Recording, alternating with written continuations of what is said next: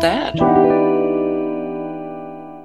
Hej och välkommen till podden Tolkning pågår. Idag så är det jag, Jenny Grimbeck, präst i Göteborg, som spelar in digitalt med dig Tove. Ja, jag heter Tove av Geijerstam och jag är präst i Trollhättan. Välkommen hit. Tack. Vi har just stångats lite med tekniken, men nu hoppas vi att allt ska fungera som det ska. Kan vi inte stångas med texten istället? Jo, nu ska vi stångas med texten. Med framförallt evangelietexten för kyndelsmässodagen. Med Mm. temat är uppenbarelsens ljus. Det är en ganska lång evangelietext och jag börjar att läsa den från Lukas evangeliet. När tiden var inne för deras rening enligt Mose lag tog Josef och Maria Jesus till Jerusalem för att bära fram honom inför Herren. Det står nämligen i Herrens lag att varje förstfödd av mankön ska helgas åt Herren och för att offra två turturduvor eller två unga duvor så som det står föreskrivet i Herrens lag. I Jerusalem fanns en man vid namn Symeon som var rättfärdig och from och som väntade på Israels tröst.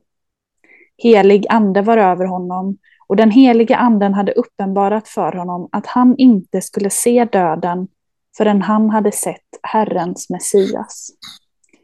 Ledd av anden gick han till templet och när föräldrarna kom in med barnet Jesus för att göra med honom som det är sed enligt lagen tog han honom i famnen och prisade Gud och sa Herre, nu låter du din tjänare gå hem i frid som du har lovat.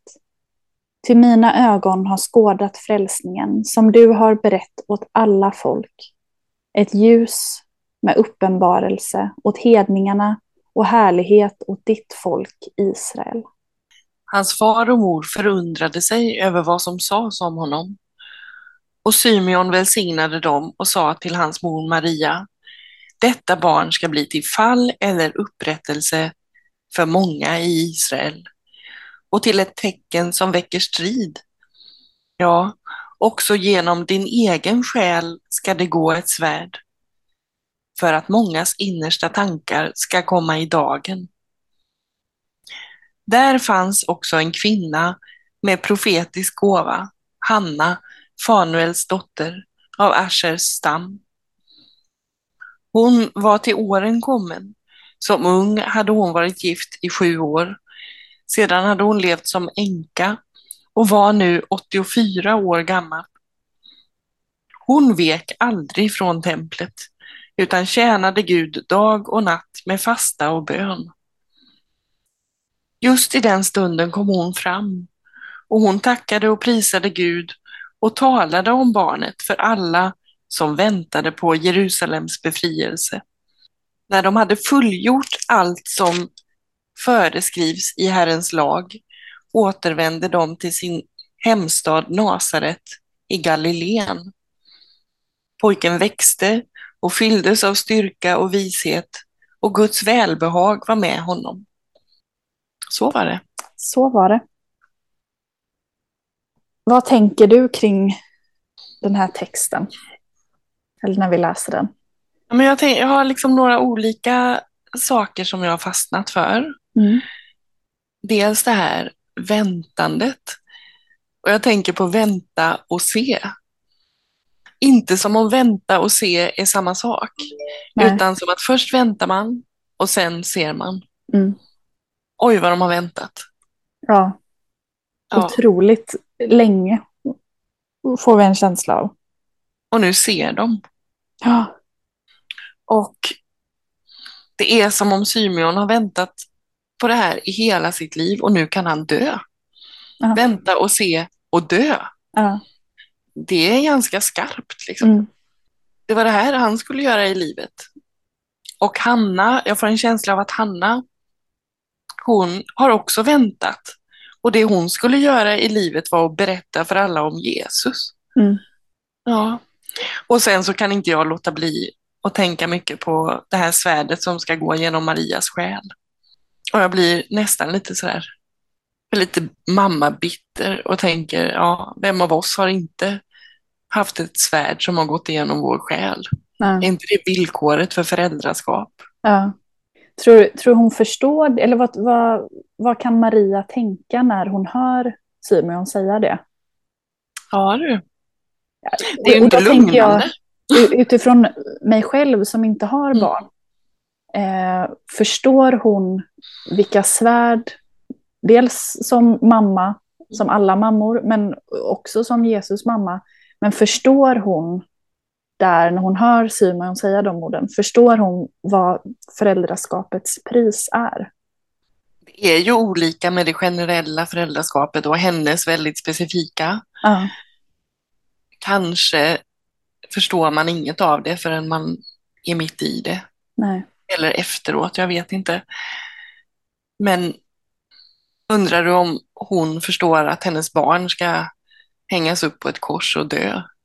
Nej, nej, jag tänker mer, mer liksom det att vara, att vara förälder, som ju finns väldigt Mm. mycket i denna Mm. texten i, i att bära fram det lilla barnet enligt liksom, den judiska riten. Och, eh, ja, men de gör som man ska göra. Liksom. Eh, och, och att vara förälder i det.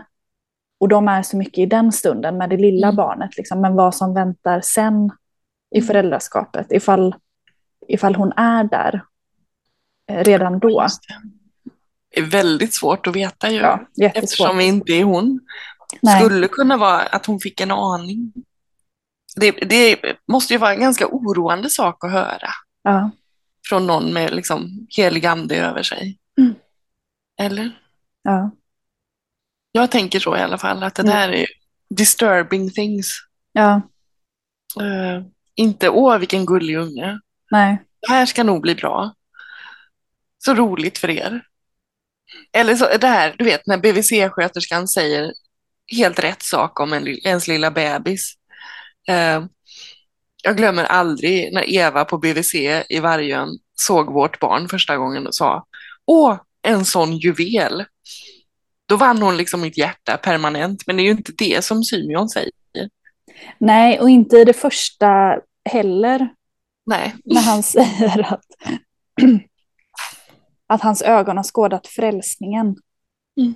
Ett ljus, eller, eller det kanske är att säga en juvel.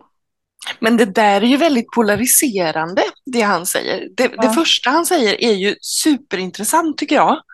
Eh, detta barn ska bli till fall eller upprättelse för många i Israel och till ett tecken som väcker strid. Nej, det är ju inte det första, det kommer ju sen förstås. Eh, nej, just det. Frälsningen som du har berett åt alla folk, ett ljus med uppenbarelse åt hedningarna och härlighet åt ditt folk Israel. Alltså det är olika för hedningar och för Israel. Mm. Så det är polariserande där också. Ja. Men sen kommer ju det här med upprättelse eller fall och inget emellan. Eller allt emellan. Kanske allt emellan. Mm. Eller antingen eller. Mm. Blir han inte till fall så blir han till upprättelse. Ja. Kanske är det ingen som kommer att säga åh vilken gullig unge bara. Och gå vidare i livet. Nej. Eller trevlig snubbe det där. Nej. Nej, inte så mycket medhårs. Nej. Eller det här andas inte så mycket medhårs alls ju. Nej. Det är drastiskt. Mm. Men har, han, har inte Symeon all rätt? För du nämnde också väntan, att han har väntat Mm. så väldigt länge. Mm. Jag tänker att han, han har verkligen all rätt att vara lite drastisk. Ja. Efter, efter ett, li, liv, ett livs väntan. Mm. Eh, han, han tar i liksom. Från knäna eller tårna. Ja. Det är lite brännpunkt får jag en känsla av. Mm. Du vet när solen kommer precis från rätt håll i brännglaset. Ja. Att nu, nu tar det eld. Ja. ja, och så ser jag framför mig att den här scenen också utspelar sig på en tempelplats som är, som är rätt vardaglig. Liksom. Mm. Alltså där, där det heliga och det vardagliga blandas konstant. Jag ser framför mig att, att det, är, liksom det är massor med vuxna som kommer med sina barn för att det är dags för det. Eh, och jag tänker, eller det är mycket som pågår där. Och samtidigt så blir det den här brännpunkten. Och alla märker inte det. Det är två av alla dessa människor som märker vem det är som är där. Ja, det kan vara ett vimmel och ingen annan märker något. Nej. Och så händer något avgörande Ja. mitt i. Och det händer ju runt omkring oss alltid. Eller det, ibland så kan det vara spännande, liksom, ibland kan man ju få ana att stora saker sker runt omkring. Fast inte, det handlar inte om mig eller det handlar inte om, om mitt liv. Men eh, antingen i livet som präst, att få stå bredvid när stora saker händer eller gå bredvid. Eller på, på spårvagnen att råka överhöra ett samtal Mm. där livet sker. Men du, jag tänkte också, jag tänkte, jag tänkte också precis på när vi åkte spårvagn sist. Och du och jag tittade ut genom fönstret i två sekunder och någon gick förbi oss. Och så sa du, såg du? Nej, vad då, sa jag. Han var alldeles blodig. Just det. Apropå att saker händer och någon ser och någon ser inte alls. Ja, Att det verkligen kan gå en förbi. ja, Det här var inte så blodigt, men det var mycket. ja. Och många märkte nog ingenting, för de tittade åt ett annat håll eller de Mm. var någon annanstans. Mm. Ja, och den här blodiga mannen på, utanför spårvagnsfönstret, han, han hade blivit sedd Ja, eh, av flera människor som stod med näsdukar och telefoner. Mm. Men hur Bra. lätt, hur lätt det är att, att inte se. Och jag tänker att det är de, de situationerna som vi inte ser, de vet vi oftast inte om. nej. Och här var liksom Israels tröst. Ja, Pang, bara där. Är, är det självklart liksom vad Israels tröst är? Det låter väldigt självklart i texten. Ja. Att han hade väntat på Israels tröst. Tröst, ja. Vad tänker du om det, Tove? Jag kanske tänker att Guds löften till Israel ska gå, till uppfyll gå i uppfyllelse. Mm. Jag tänker nog upprättelse och befrielse. Men tröst är ju någonting annat egentligen. Ja, Inte bara positivt eh, laddat för mig. nej. Lite dämpande och sådär. Mm. Men ett helt folks tröst, det blir ju större. Ja, Liksom. Eller det, det kräver någon, en massiv förändring. ja, eller hur? Det kräver egentligen upprättelse. Ja. Jag lyssnade på förra årets avsnitt om Kyndel- Kyndelsmäss när Martin Wallén och Sara Hansen pratade om de här texterna. Mm. Och då stannade de vid temat ljus. Eh, när te eftersom temat är uppenbarelsens ljus. Och på ett sätt så är ljuset väldigt, väldigt närvarande i den här texten. Men de konstaterade också att det är väldigt mycket annat som händer. Mm. Och att det skulle kunna finnas andra teman här om man har lite fantasi. Mm. Och att just seende, vi har benämnt ett, väntan, Mm. men också seendet är väldigt, eller det återkommer liksom. Eh, både att Hanna och Symeon får se eh, barnet Jesus. Men jag tänkte också på det när vi läste texten, att det står Mm. att Symeon inte skulle se döden förrän han hade sett Herrens Messias. Just det. Han Jag skulle tycker se det- Messias först. Jag, ty- Ja. jag tycker att det är en, en, eh, en spännande formulering av, av döden, eller en beskrivning av erfarenheten av döden. Och Mm. som jag förstår det här så syftar det på att Symeon själv ska dö. Mm. Eh, och man kan ju säga så att se döden, men Mm. eh, jag studsade lite på det. Att se, att se Jesus först, att se hoppet först och sen se döden.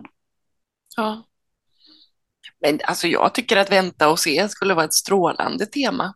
Ja, Faktiskt, i alla fall för den här texten. ja. Jag kanske prata också... med- Vi, vi använder ju ofta den här som en, eh, som en söndag där vi särskilt bjuder in barn. Just det. Eh, och både väntan och se, att Mm. vänta och se, som du inledde med också. Och ljuset. Det är så, det är så i alla fall för mig, liksom, byggstenar i, i tron, eller i det kristna livet. Att vänta, att se och ljuset. Och nu ska vi se. Åtminstone Symeon tittar ju också in i, han ser ju liksom framtid.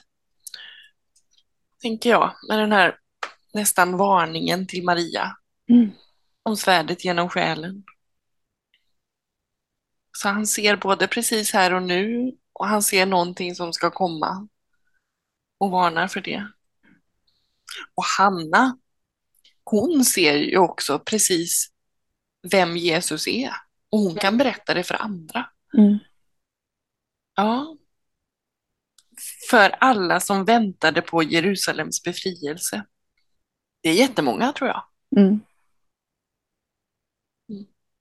Det tror jag också. Och jag tror att det är, eller jag tror inte, jag anar och kanske till och med vet att det är många som längtar efter befrielse nu också. Från så otroligt mycket. Hon är verkligen en förebild för en präst. Ja. Ja, och för, för en döpt, för en kristen, för, Ja. för alla oss. Det, det finns som en, eh, en liten viskning eller en tråd av eh, kallelse i den här texten också. Hon fick Och höra om Jesus.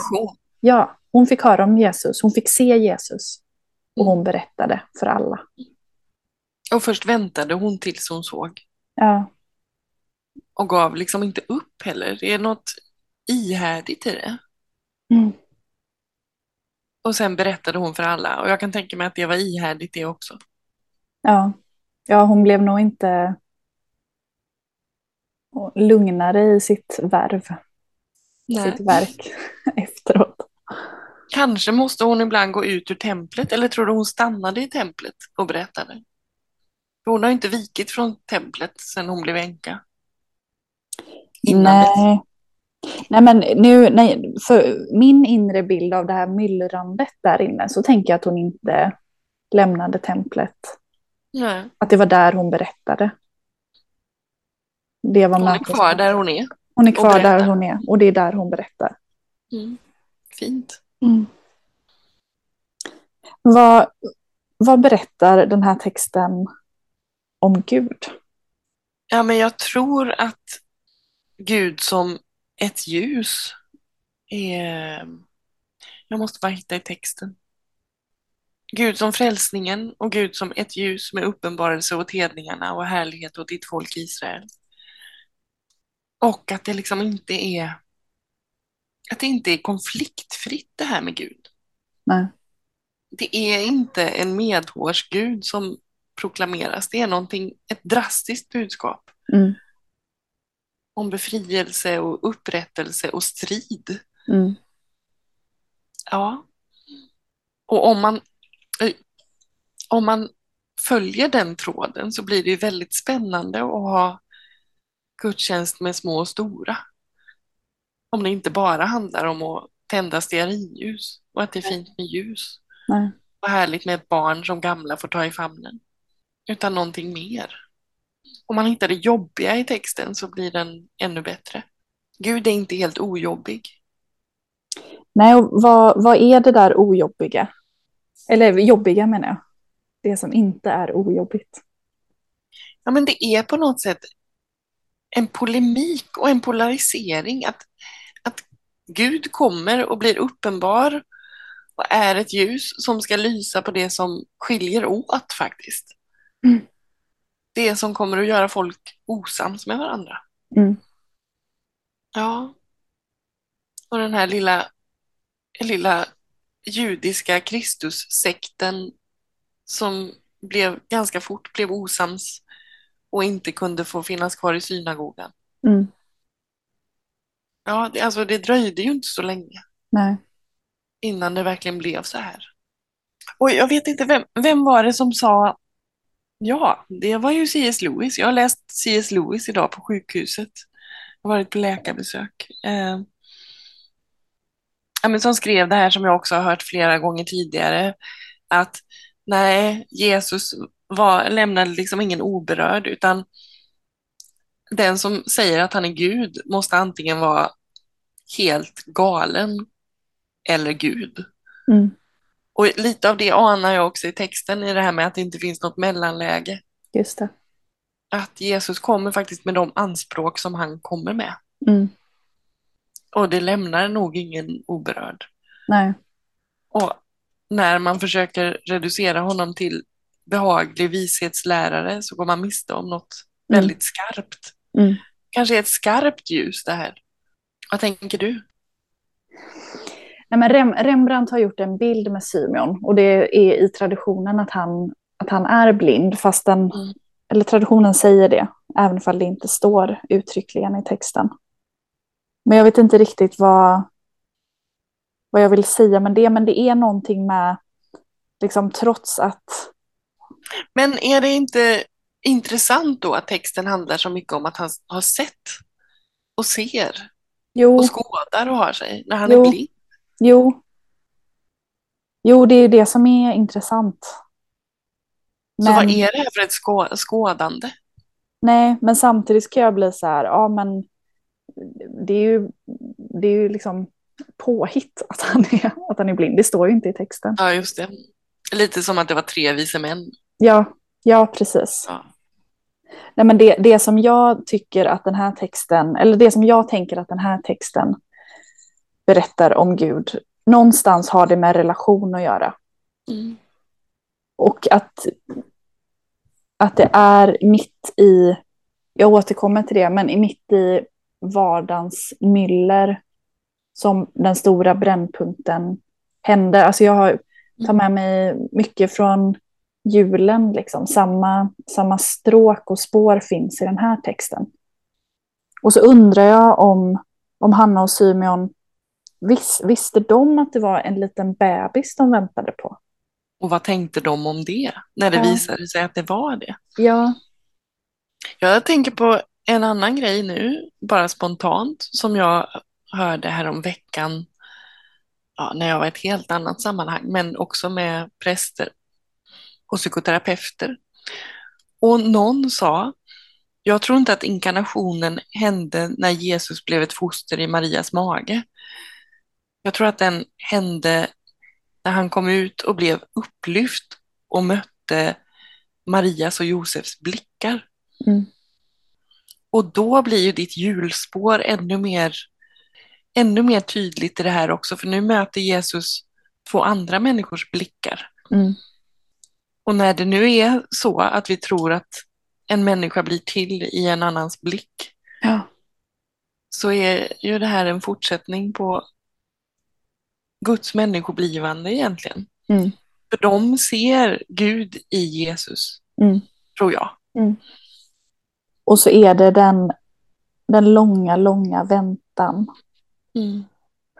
Eller det finns, det finns liksom något innan texten i Hanna och Symeons liv som vi inte vet någonting om. Mm. Och det finns någonting efter texten som är nästan hela Jesu liv. Ja, Som vi nästan inte vet någonting om. Förutom när han var 12 år i templet sen. Men Mm. däremellan, det, det, är- det är så många år. Det är kanske fler Mm. år än vad jag har levt. Så här är nästan allt. Ja, som vi Mm. inte vet någonting om. Liksom. Och som blir några meningar bara i den Ja. här texten. Och så räcker det. Ja. Pojken växte och fylldes av styrka och vishet och Guds välbehag var med honom. I den meningen så går det också liksom att inte hitta på, men, men liksom fylla i med vår egen, alltså med den Mm. mänskliga erfarenheten, för den måste ju finnas där under alla de åren.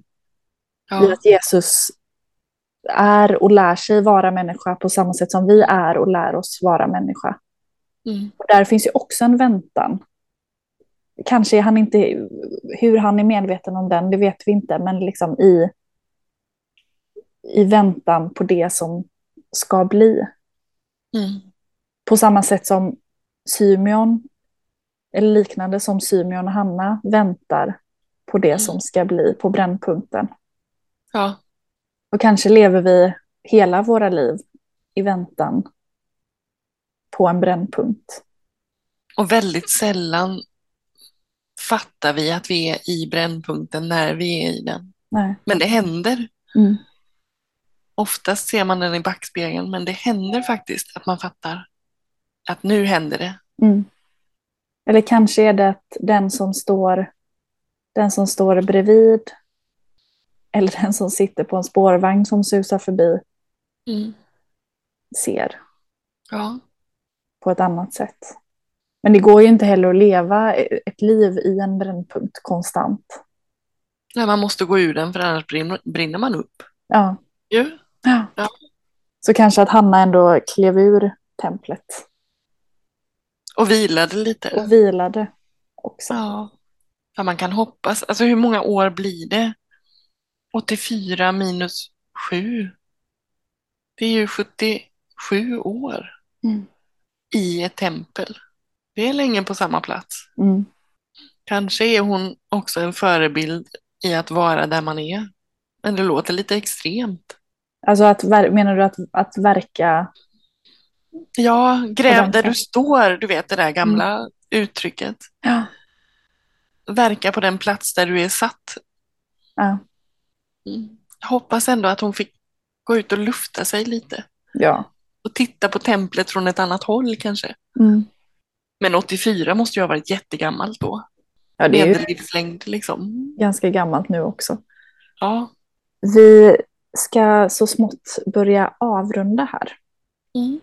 Är det någonting vi känner att vi inte har fått med och vi vill skicka in i den vidare tolkningen och läsningen och predikandet över den här texten?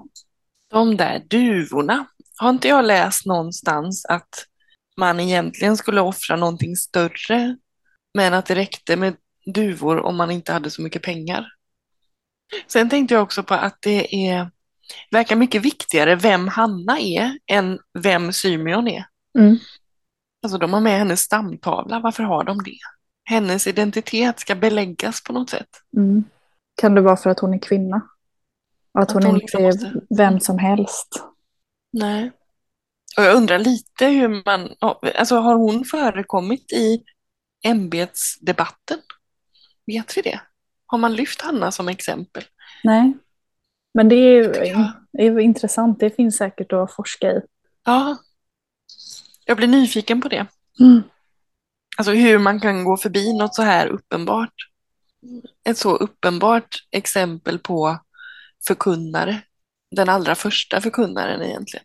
Den Om första. Kristus menar jag. Ja. Det finns en parallell till kvinnorna vid graven tycker jag. Jul, julvarianten och påskvarianten. Ja. Och det var kvinnor första gången, båda gångerna. Det, det säger någonting. Ja, någonting säger det ju. Ja. Och med de orden så är dagens avsnitt av Tolkning pågår slut. Tack för att du har lyssnat.